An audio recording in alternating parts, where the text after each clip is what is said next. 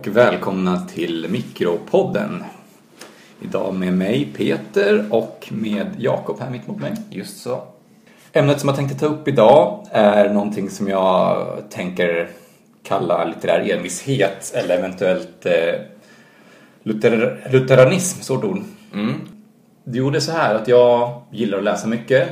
Framförallt gillar att läsa många olika, gärna romaner. Men hemma just nu på mitt lilla nattduksbord så ligger en bok som är drygt 700 sidor tror jag. Som heter Dr. Faustus av Thomas Mann. Mm.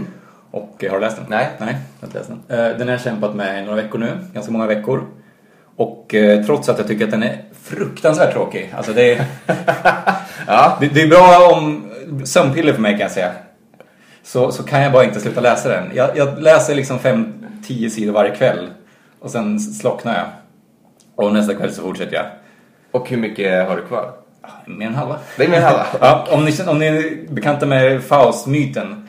Det, hand, det handlar ju om att det är någon som säljer sin själ till djävulen för att få någonting. Och det här har inte hänt än. Det har gått cirka 300-350 sidor. Och eh, det har liksom bara varit mustigt, detaljrikt. Eh, väldigt mycket långa tyska meningar som man kan tänka sig att Som man kan föreställa sig. en redig tysk författare helt enkelt. Ja, men det är fantastiskt. Jag har inte läst...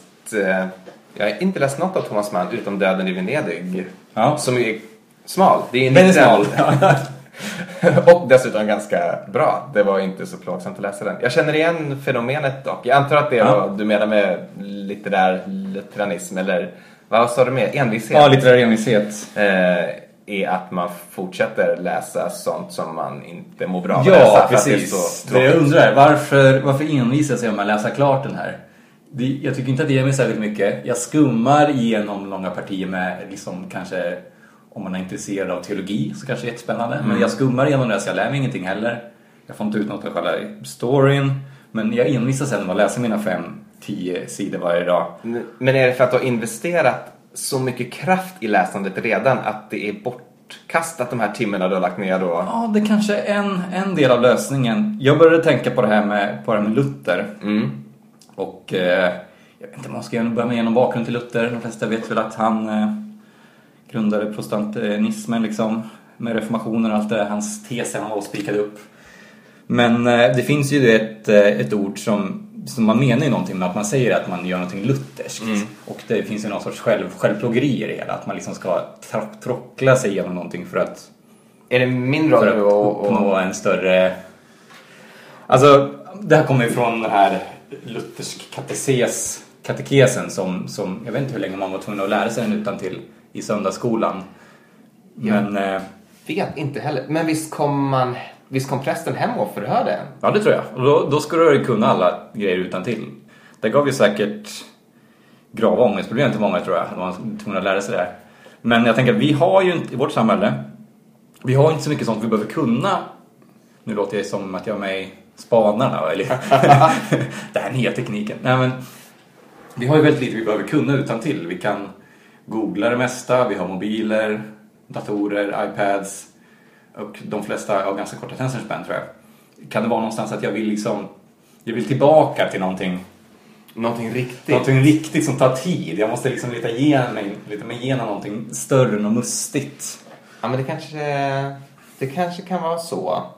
Men kan det liksom vara frestande att vara lite extra luthersk ibland? Kan det finnas en poäng i det? Borde vi ha lag på det?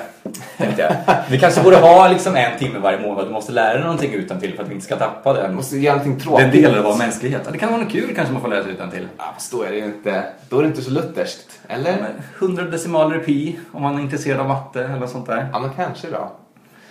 Eh, Men jag tänkte, har du några ögonblick när du, när du känner dig liksom, nu vår Luthers arv här av det? Ja, jag har ju lite samma också faktiskt. Att jag måste läsa klart allt som jag börjar läsa. Ja. Jag har oerhört svårt att lägga ifrån mig en bok. Annat då än för stunden. Men bokmärket ligger kvar tills boken är klar. Jag får liksom inte ställa tillbaka den i hyllan oläst helt enkelt om jag väl har påbörjat den.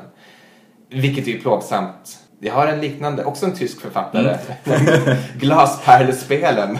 Det finns många författare vi gillar också från Tyskland ska vi säga. Ja, det, det, det ska sägas. Det är nog i läsningen som är samma. Men jag tror att det är för min del att det finns någonting, alltså det är nästan omoraliskt att bara äta liksom grädden på semlan på något vis. Man, man måste också, man måste utsätta sig för tankar som man inte gillar helt enkelt. Och då i vanliga fall ju för att de är så tråkiga och ointressanta. Men det, är- det är någon sorts intellektualisering av det där. Det kanske inte är riktigt som man känner. Vad känner man egentligen? Men sen är det nog också när man har lagt ner. Jag har lagt ner arbete. Och det arbetet, det Ja. måste leda någon vart. Men varför måste jag lägga ner mer arbete på det här? Ja. Kan jag bara gå in och läsa Wikipedia-artikeln och se vad som händer? Kan jag säga till folk att jag läst ut?